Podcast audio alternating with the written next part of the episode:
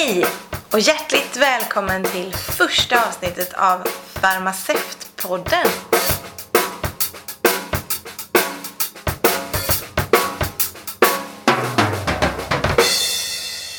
Jag som pratar heter Isabella Stenmark och är apotekare som jobbar på öppenvårdsapotek. Att jag sitter här och spelar in överhuvudtaget är till stor del tack vare Sveriges farmaceuter men också Svensk Farmaci som både är en tidning och nyhetssajt. Jag har bloggat för Svensk Farmaci sedan 2011 och att blogga, det var ju trendigt då men inte lika trendigt som det är att podda idag. Jag måste erkänna, jag har lyssnat en hel del på poddar under året. Det är häftigt att bli engagerad och inspirerad av kloka människor som delar med sig av sin kunskap.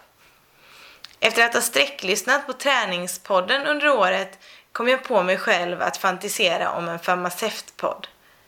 Tänk ett forum där vi kan utbyta kunskap, erfarenheter och idéer utanför arbetsplatsens gränser. Där vi kan snacka om sånt farmaceuter gillar och ogillar. På kort tid blev träningspodden som en förebild för mig och när jag uttalade idén om en farmaceutpodd som en hörbar dröm kändes det som fler än jag hade drömt om detta. Så än en gång, hjärtligt välkommen till premiären av Farmaceutpodden.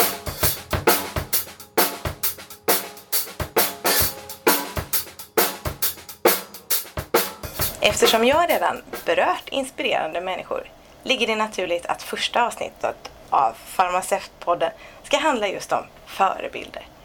Jag, som är en inbiten västkustbo, har faktiskt tagit mig till östkusten och Oskarshamn för att träffa en av mina största förebilder, nämligen apotekaren Frida Bexell. Hej och välkommen Frida! Vad roligt att du vill vara med! Tack! Hej Isabella och välkommen till östkusten som numera är bästkusten. Ja, just det. Ja, så det säger. Berätta lite om dig själv. Vem är du? Ja, eh, Frida Bexell, 36 år gammal, jobbar för närvarande som distriktschef på Kronans apotek. Och det är ett distrikt som involverar Jönköpings län, Kronobergs län och Kalmar län. 24 apotek och 19 apotekschefer. Oj, det är inte dåligt. Nej, det är häftigt när man läser upp det sådär. Ja, verkligen. Då har du jobbat ett tag förstår jag. Hur, började din resa? Ja, min resa började på Uppsala universitet 2002 började jag läsa och sen var jag färdig då 2007. Efter det jobbade jag, eller jag gjorde min eh, legitimationstjänst i Eksjö på deras sjukhusapotek. Och sen har jag jobbat eh, på ganska många olika apotek faktiskt. Både stora och riktigt små. Kisa, Nässjö, Jönköping, Huskvarna, Gränna, Tranås. Det har stimulerat mig att få prova både stora och små eh, och olika apotek. Och hur kommer det sig att eh, det blev Uppsala och att du valde apotekare? Ja, eh, det var ju inte självklart egentligen. så, men jag tyckte att det var väldigt roligt med kemi och biologi och kroppen eh, egentligen. Så det var väl eh, det var väl sjuksköterska, läkare eller apotekare. Så. Men sen insåg jag att jag eh, jag vill inte jobba som läkare egentligen utan apotekare. Just själva behandlingen var väl det som jag tyckte egentligen var mest intressant. Så, så tänkte jag också. Jag satt och läste så bara, mm, nej. Jag bara, ah, apotekare, mm. det kanske är något. Min största farhåga var att det var vissa labbrapporter, eller labbar skulle vara på, på engelska. Det tyckte jag var så här, oh, hur ska det gå? Mm. Det var ju inte den största utmaningen sådär i efterhand. Nej, visst det var ju mycket på engelska men det var ju ändå eh, väldigt mycket på svenska ändå tycker jag faktiskt. Ja, ja, ja. Så det var inga konstigheter. Men labbar har ju heller inte riktigt varit något eh, för mig. Det, det, var ju kul och man lärde sig mycket men jag insåg ganska snart att jag inte ville jobba laborativt så. Utan just apotek och relationer, eh, den biten lockade redan tidigt faktiskt. Och det var jag ganska ensam om. För många av mina kurser ville ju ut inom industrin. Det känns som det var mer alltså, fint liksom då. Eller det, jag inte, det var mer status. status det. Apoteksstatusen låg väldigt lågt. Eh, och det är ju ändå bara en vad blir det, 11-12 år sedan så som jag var färdig. Ja, tänk, du, när jag bör, då gick du ut när jag började. Ja, det kan stämma. Jaha, 2007. Mm. Och som sagt då, du och jag, vi träffades första gången i, i Jönköping när jag skulle påbörja min apotekspraktik. Då var du apotekschef eh, och jag har en del starka minnen av dig, särskilt när jag var helt ny. Jag vet att jag stod bredvid dig och observerade ditt kundmöte när du helt plötsligt gav mig plocklistan. Varsågod och hämta. Och jag blev jätteförvånad och samtidigt stolt över detta privilegium att få gå och dra i Farmalådorna. Ja. Kommer du ihåg någonting från, eh, från mig när- under den här tiden? Ja, det gör jag. Eh, Det gav ett starkt intryck redan innan du började kan jag säga. För att jag fick ju, på något sätt så kände jag igen ditt namn lite grann. Så där, Isabella Stenmark tänkte jag. Mm. Och sen så trillade ju polletten ner lite när någon berättade att du skrev i Svensk Farmaci. ja, just det. Eh, och då var jag tvungen att gå in och läsa naturligtvis lite vad du hade skrivit. Och, och liksom, ja, men jag tyckte att du var så här nyfikenhet och lite sånt. Så då tänkte jag att nu får vi skärpa till oss lite här. Så liksom, vi kan, eh, ja, dina förväntningar kan uppnås eller så på oss. Eh, och sen när du kom så var det ju som ett stort liksom, men sug på, på information och liksom kunskap. Det var skithäftigt. Ehm, det är nästan som man blir nervös men också är det väldigt, väldigt kul med studenter som vill lära sig väldigt mycket. Och som vågar fråga den här extra frågan. Och just att du brann för farmaci märktes ju också. Liksom att du, när du blev lite varm i kläderna och började ställa dina frågor så var man ju grymt imponerad av att du faktiskt ville liksom göra avtryck på de kundmötena du hade. Mm. Jag har sagt det många gånger och jag säger det fortfarande. Alltså att just hälsan där i Jönköping formade mig. Man kan ju ingenting. Alltså man kan grunderna men man har ingen liksom, kundkommunikationsutbildning eller sådär. Man vet inte hur man ska ställa sina frågor. Nej. Alltså allt det där har ju ni liksom format och, och sen så har man ju tagit med det och, och gjort om det. Vad minns du från din egen praktik? Eh, ja, om jag ska vara helt ärlig så var det allra största minnet det var hur jag skulle dölja att jag var gravid. Men det kanske är lite vid sidan av. Nej, jag var, jag var jättegrön. Det var, en, det var en stor slap in the face faktiskt för att jag trodde att jag kunde så mycket när jag kom från, från universitetet. Men jag insåg att eh, även om den kunskapen var bra att ha med sig så var det ju egentligen helt andra saker jag skulle lära mig. Ehm, För det var inte jättemycket generikapreparat faktiskt. Det har hänt jättemycket bara på de senaste tio åren. Utan vi hade bara pratat subst- eller substanser på universitetet och sen kom jag till, till apoteken där man hade helt andra namn. Eh, Det är ju bättre nu eh, egentligen när det är mycket substansnamn. Men det var ju Trombyl och Lanakrist och allt det där. Jag visste liksom inte vad det var för någonting. Jag var tvungen att läsa och kolla vad det var för substans. Annars var jag på ett, eh, ett jättestort apotek där det både fanns sjukhusdel och, och öppenvårdsapotek som det hette då. Så jag lärde mig otroligt mycket. Dialyspatienter och gaser, gasbeställningar. Eh, Så det var jätte, jätte, jätte, jättekul. Wow! En gaspatient har jag inte haft faktiskt. Inte dialys heller. Nej. Men du ser, det finns mycket att lära Mm, fortfarande. Jag har ju alltid haft, mött dig i rollen där du är min eh, chef eller ledare. Och som du vet, som jag har sagt många gånger till dig, så, så, så vet du att jag tycker att du har satt ribban för hur en ledare och en chef ska vara. Och, och än idag vänder jag mig med frågor till dig. Det är roligt tycker jag. Då har man väl gjort någonting bra i alla fall. Ja, absolut. Och det, det är ju ett bevis då på att jag, jag har ett otroligt förtroende för dig. Och du gör intryck på de medarbetare du leder.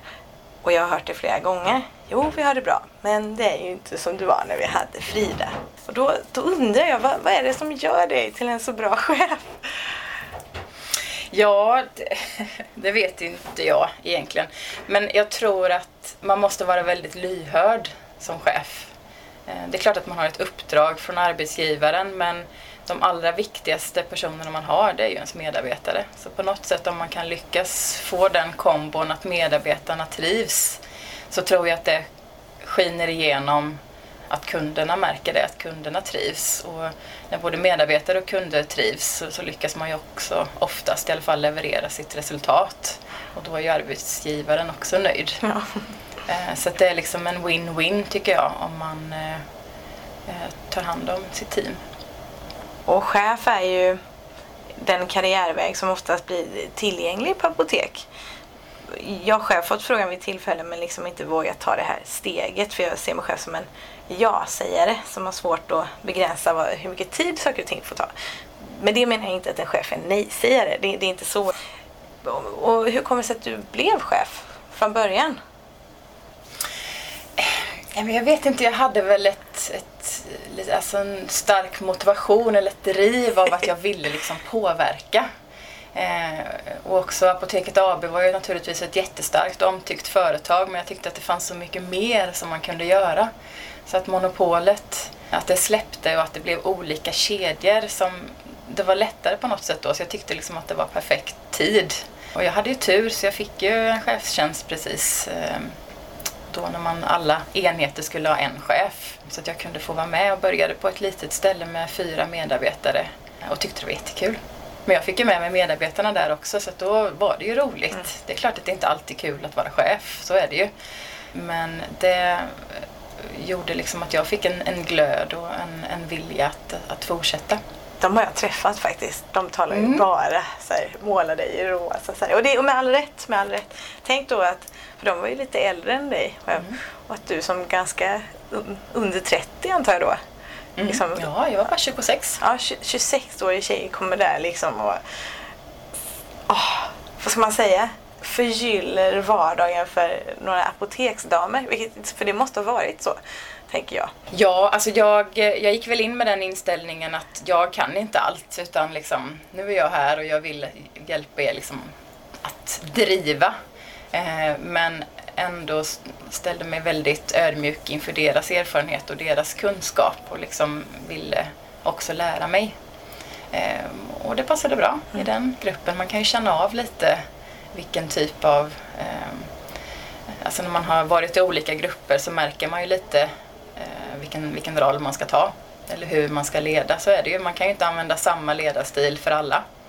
Utan det gäller ju att anpassa sig lite efter mottagaren. Vad blir din viktigaste insikt i din nya roll? Ja, men jag tyckte du, du sa lite det här just med att vara ja-sägare och nej-sägare. Alltså man har ju lärt sig också eh, den hårda vägen. För att eh, i början så ville jag ju som chef liksom tog på mig nästan allt. Ja, men det fixar jag eller det ordnar jag och sen så efter ett tag så bara, men herregud, hur fick jag allt det här i knät? Och, och, det märker jag faktiskt fortfarande nu, att vi har jättemånga otroligt duktiga unga chefer som kommer in, får en tjänst och de jobbar liksom till tusen. De vill så gärna liksom bevisa att de kan, både för sig själva och för, och för mig och företaget och sådär. Och de jobbar på så in i attan men så orkar de kanske bara ett år och sen så, nej, nej det här var inget för mig. Eh, och då tycker jag det är en otrolig förlust, både för dem själva men för oss och som företag kanske inte märkte det tillräckligt. För det är ju klurigt i min nya roll nu när man inte jobbar med sina medarbetare de närmsta varje dag utan måste förlika sig mycket på ett besök då och då, och telefonsamtal och mejlkontakter och sådär. Att man kanske inte kan känna av riktigt hur läget är alltid om de inte är väldigt öppna med hur de, hur de mår och hur det går. Men där tror jag också att vi jobbar ju mycket med det här med feedback och delegering. Att man måste lära sig det. Att, att eh, man kan inte göra allt själv som chef utan man måste ta hjälp av sina medarbetare. Och ofta så tycker medarbetarna att det är kul att de får ansvar och att de får vara med. Man vill ju inte bara att chefen ska göra allt. Det är inget roligt. Nej, Nej det är sant. Mm. Precis. Nej, men man, man speglas ju av olika, det behöver inte vara inom apotek utan det kan ju vara ledare inom idrottsverksamhet eller vad som. Så, som, ja, som, formar den man är.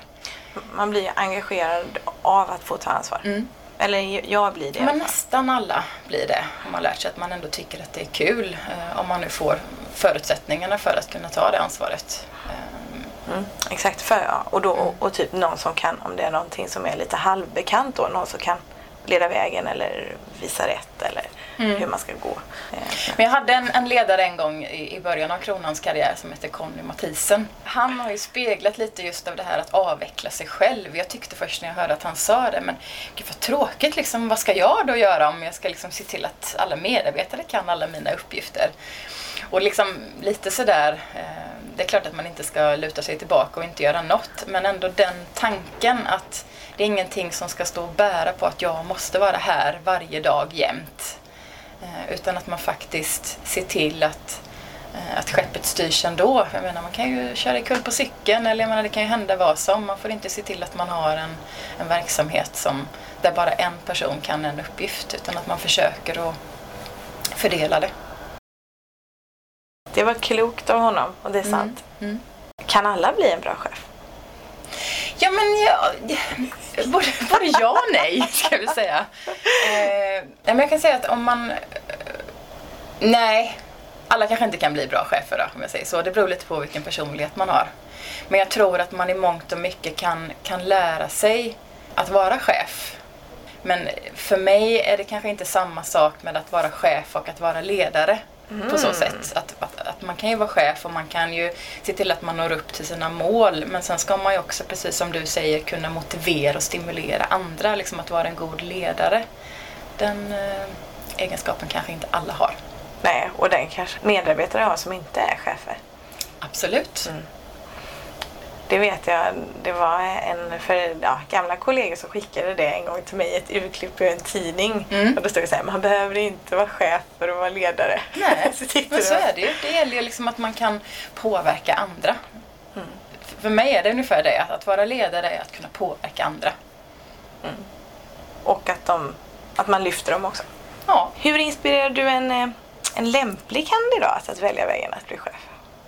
Ja, men det har man ju några och då måste man ju på något sätt, tänker jag, om jag har en, en, liksom, en lämplig kandidat i närheten av mig så kan man ju liksom försöka testa den att, att ta över vissa arbetsuppgifter till exempel. Kan du hålla det här mötet eller kan du eh, göra det här eller liksom, vill du vara min, min ställföreträdande när jag är borta?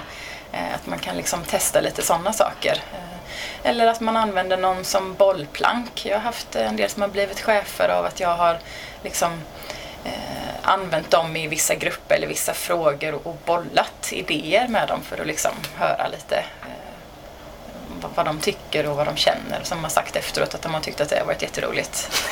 Men sen har vi också naturligtvis utbildningar och sånt. Men, men det känner jag att för mig är det viktigt att, eh, att personligheten är där. Liksom att man ändå, för eh, man kan ju inte sticka under stolen med att man får ju jobba en hel del som chef. Eh, och det, man, som chef kanske man inte ska vara den som springer hem först från jobbet varje dag utan man måste ju ändå ha någon som tycker att det är kul att jobba, att det, att det är roligt.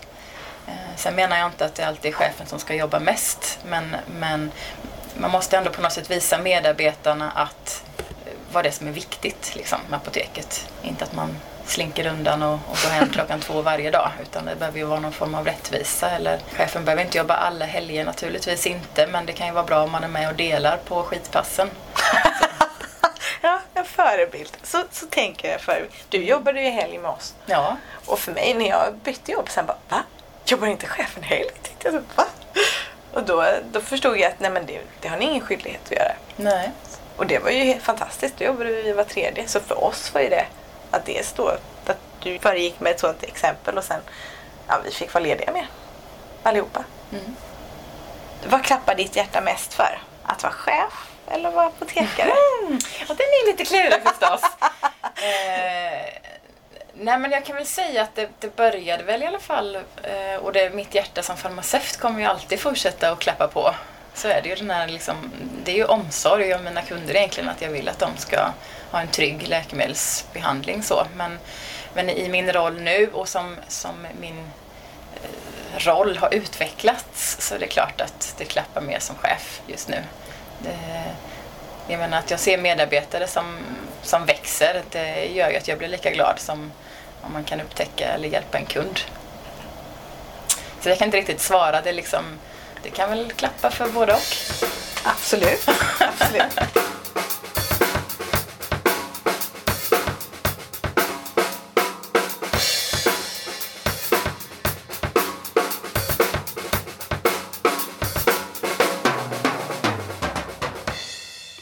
Min tanke med Farmaceutpodden är ju att skapa en slags plattform där vi kan dela goda och mindre goda erfarenheter med varandra. Så jag tänkte, kan inte du beskriva ett av dina kundmöten och vad du lärde dig av det? Ja, eh, jag, jag fick ju den frågan innan så att jag har suttit och funderat på den lite. Eh, eh, och man har ju haft jättemycket bra kundmöten men sen det man kommer ihåg mest är ju egentligen när man har haft ett kundmöte som inte har blivit så bra. Konstigt nog, visst är det det? Mm, ja, det är konstigt. Så jag tänkte egentligen för jag kan tycka att man pratar väldigt mycket om best practice eller next practice till och med som vi har börjat prata om att vi ska ta det som har varit bra och göra det liksom ännu bättre. Men jag tycker också att det kan vara viktigt att prata om det som kanske inte gick så bra för det liksom borstar man under stolen. Så jag tänkte faktiskt berätta om ett, ett möte som inte gick så bra. Absolut. Om det går bra. Det går jättebra. och det är en, en kund jag hade som stod på Tryptisol och det finns inte längre, men det är lite samma sak som Saroten idag, alltså ett nerv, nervpreparat eller man kan använda för lite olika saker egentligen. Men, men kunden som kom till mig frågade mig rakt ut varför jag fått det här. Jaha, liksom tänkte jag så här och började skruva på mig lite eftersom jag inte riktigt visste varför hon hade fått det för det stod inte i doseringen. Nu är läkarna lite bättre på det. Så jag började läsa upp liksom, indikationerna rakt av från FASS. Bla, bla, bla, bla, bla. Och så kom jag fram till fibromyalgi. Mm. Och kunden reser sig upp och skriker rakt ut. Där har vi det! Läkaren han tror att jag ljuger om att jag har ont. Hon, hon skrek och blev helt vansinnig och vägrade hämta ut läkemedlet.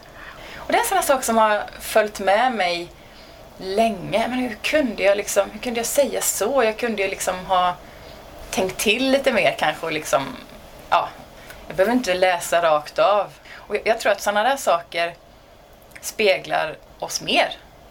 Alltså man tänker till när det blir konstigt och det är tråkigt att man ska behöva lära sig av sina misstag för hon, blev, hon, hon bara gick rakt ut och lämnade apoteket. Men å andra sidan så kanske du aldrig läser upp, läser upp så här indikationer? Nej, gör jag inte nu längre. Nej, det gör inte jag heller. Det har jag också gjort något liknande. Ja. Man lär sig av sina misstag. Mm.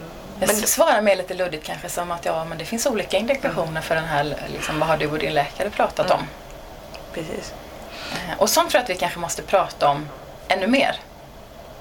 Faktiskt. Ja, ja, ja. Alltså, vi, måste, vi måste byta erfarenhet. Det är en utmanande. Vi, vi står i en disk. Vi har kanske inte alltid hur mycket tid som helst. Det är inte alltid lika privat som i ett rum liksom som när man sitter med läkaren och ändå har man jättemånga viktiga grejer som man måste fånga upp. Mm. Ja, och vi lär oss av varandra. Sånt där har jag ju också, som sagt också trampat i och det finns säkert många mm. andra som också har gjort det. Mm. Och då lär man sig på det.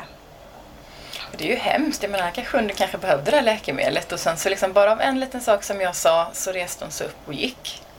Det är ingen bra compliance där. Nej, nej. men å, å, andra sidan så kunde man ju kanske önskat att, att doktorn hade sagt att det finns flera indikationer för den här, att den kan användas för flera olika saker. Det, det gör jag nästan alltid när jag lämnar ut eh, gabapentin så brukar jag säga ja, om du skulle läsa i bipacksedeln mm. så står det kanske att den här är mot epilepsi men ja, du har ju fått det för verk. Jag vill bara att du vet att det är okej. Okay, att mm. det här är ett eh, avsiktligt eh, avsteg. Nu kanske det står eh, verk, att den har indikationen verk också, det vet jag inte. Men det kan ju variera också mellan olika fabrikat och bipacksedlar. Mm. Jag, jag brukar säga det ändå. Ja men det är väl bra. Man kan ju undvika sådana här misstag eller att de kommer tillbaka och undrar ja. också. Vad är det här för något? Precis. Jag undrar ibland, hur kommer jag ihåg att säga det här varje gång jag har framme detta läkemedlet? Det kommer ju bara så här. Mm. Och det kan jag tycka också för det är klart att, att jag gör allt man ska och liksom kollar att de kan sina men, men det jag tycker är egentligen roligast i kundmötena nu det är liksom när man kan säga någonting extra. Liksom, ta reda på vad är det för människa som står framför mig. Jag vill inte bli den här autopilot som man ibland känner att man är när man bara rabblar upp liksom, som på band utan att man kanske vågar. Och det är ett bra kundmöte som jag kommer ihåg en gång att jag hade en, en, farbror framför mig som hade haft det lite, lite tufft sådär hans, hans fru hade gått bort och han kom oftast och liksom lättade sitt hjärta. Så helt plötsligt så det var lite lugnt i butiken. Så jag gick runt disken och gav honom en kram. Åh! Nej men oj, varför fick jag den här? sa han. det ju fredag. Så. Sen så gick det lite tid och jag liksom kom inte riktigt ihåg det och sen hade jag honom igen några månader senare och då så när vi var klara och jag sa hej då så sa han Men du, har du inte glömt något nu? Så, ja, tänkte så här, no, vadå? Ja men det är ju fredag. Jag vill ha en kram.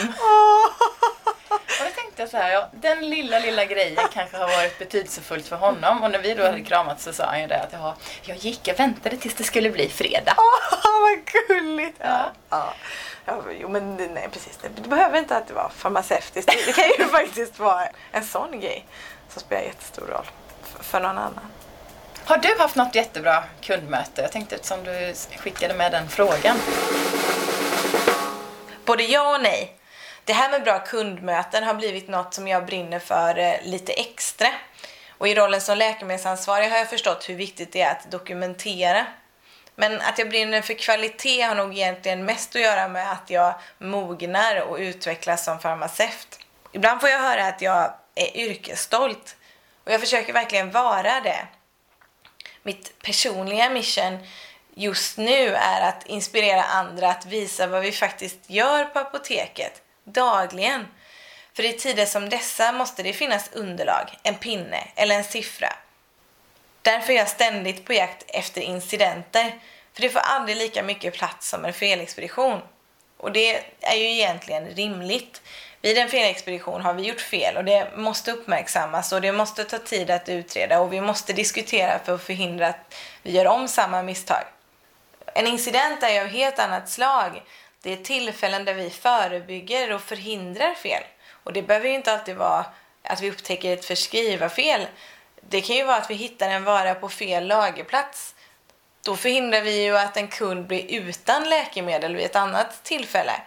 Eller att vi genom att kommunicera med kunden reder ut frågetecken som lätt skulle kunna leda till ett fel. Och det är så vi arbetar hela tiden. Vi ska säkerställa och ibland glömmer vi bort att ge oss själva credit för det vi faktiskt bidrar med. Därför tycker jag det är så otroligt viktigt att vid sidan om felexpeditioner även fokusera på incidenterna. Så jag är en riktig incidentjägare och jag uppmuntrar mina kollegor att göra detsamma. Och jag tänkte kanske först att jag skulle bjuda på ett bra kundmöte, en incident där jag förebyggt en felexpedition. Men som många gånger tidigare följer jag i dina spår och berättar om ett kundmöte som faktiskt inte blev så bra. Då är det en kund som jag ganska snabbt uppfattar som att vara lite på hugget. Så jag tänker för mig själv att jag verkligen behöver välja mina ord och uttrycka mig i klartext så att det inte uppstår missförstånd som den här kunden skulle kunna få slå ner på. Jag skulle bland annat expediera en betablockerare och just den här sorten har många olika indikationer. Kunden verkar inte jättebekant med läkemedelsnamnen så jag byter taktik under dialogen och går in i doseringstexten för att se vad läkaren har skrivit för indikation. Och då står det en tablett dagligen mot högt blodtryck. Jaha, tänker jag, då ska jag vara proffsig här. Så då frågar jag helt enkelt om kunden även vill hämta ut sitt läkemedel mot högt blodtryck. Var på kunden snäser av mig och säger att det där är inget läkemedel för högt blodtryck. Det är ju mot hjärtklappning. Vet inte du det? Tji fick jag. Och jag fick även bita mig i tungan. Här har jag liksom gjort mig till, gått in och kollat vilken indikation läkaren har skrivit. Och ändå blir det fel. Det var ju ingen idé att diskutera detta med kunden utan jag nöjde mig med att kommentera doseringen i slutet. Skulle du ta en tablett dagligen eller har du och läkaren egentligen kommit överens om en vid behovsdosering? Vilket också var fallet. Så även trots goda intentioner, ett proffsigt agerande och genomtänkt kommunikation kan det gå åt skogen ändå. Trots detta tycker jag att vår förmåga att kommunicera är en av våra främsta egenskaper. Och det behöver inte vara att man väljer svåra ord eller liksom pratar om interaktioner utan att man faktiskt frågar kunden vad, vad ska du ha det för och våga fråga. Och kanske det här som man har lärt sig att man kanske inte bara ska säga har du haft det förut eller vet hur du ska använda dem utan man kanske eh, om man testar och bara frågar så här kan du berätta hur du tar dina läkemedel? Så får man ju alldeles skrämmande saker. De säger ja men, ja men den här den plockar jag ut bara för att läkaren ska se att jag plockar ut den. Jag tar den egentligen inte. Men läkaren kan inte se om du plockar ut eller inte. Lite sådär. Bara man ställer den frågan, liksom, kan du själv berätta? Inte att jag säger hur du ska göra. Kan du själv berätta hur du gör? Så kan man ju snappa upp en hel del. Oh ja, oh ja. En, en enkel sak är liksom simvastatin. När brukar du ta den? Då ser man att de skruvar på sig så här. Ja. Ja, det, är det, det är den jag tar på kvällen. Och sen så blir jag så här skitnöjd. Så här. Jag bara, ja, det låter bra. Så att det, ja, vi har en viktig roll och vi har en viktig funktion och, eh, och jag brinner för det. Fortfarande. Men det är kul och det märks och därför är det så roligt att följa, följa dig. Ja, tack. Detsamma. På din, på din väg. Men då, eh, och Farmaceutpoddens vägnar så skulle jag vilja tacka dig att du ville vara med på detta premiäravsnitt. Mm, tack så mycket. Eh, Och så får vi se eh, vad nästa avsnitt kommer handla om. Ha det så bra. Tack och hej. Hej då! Hej då!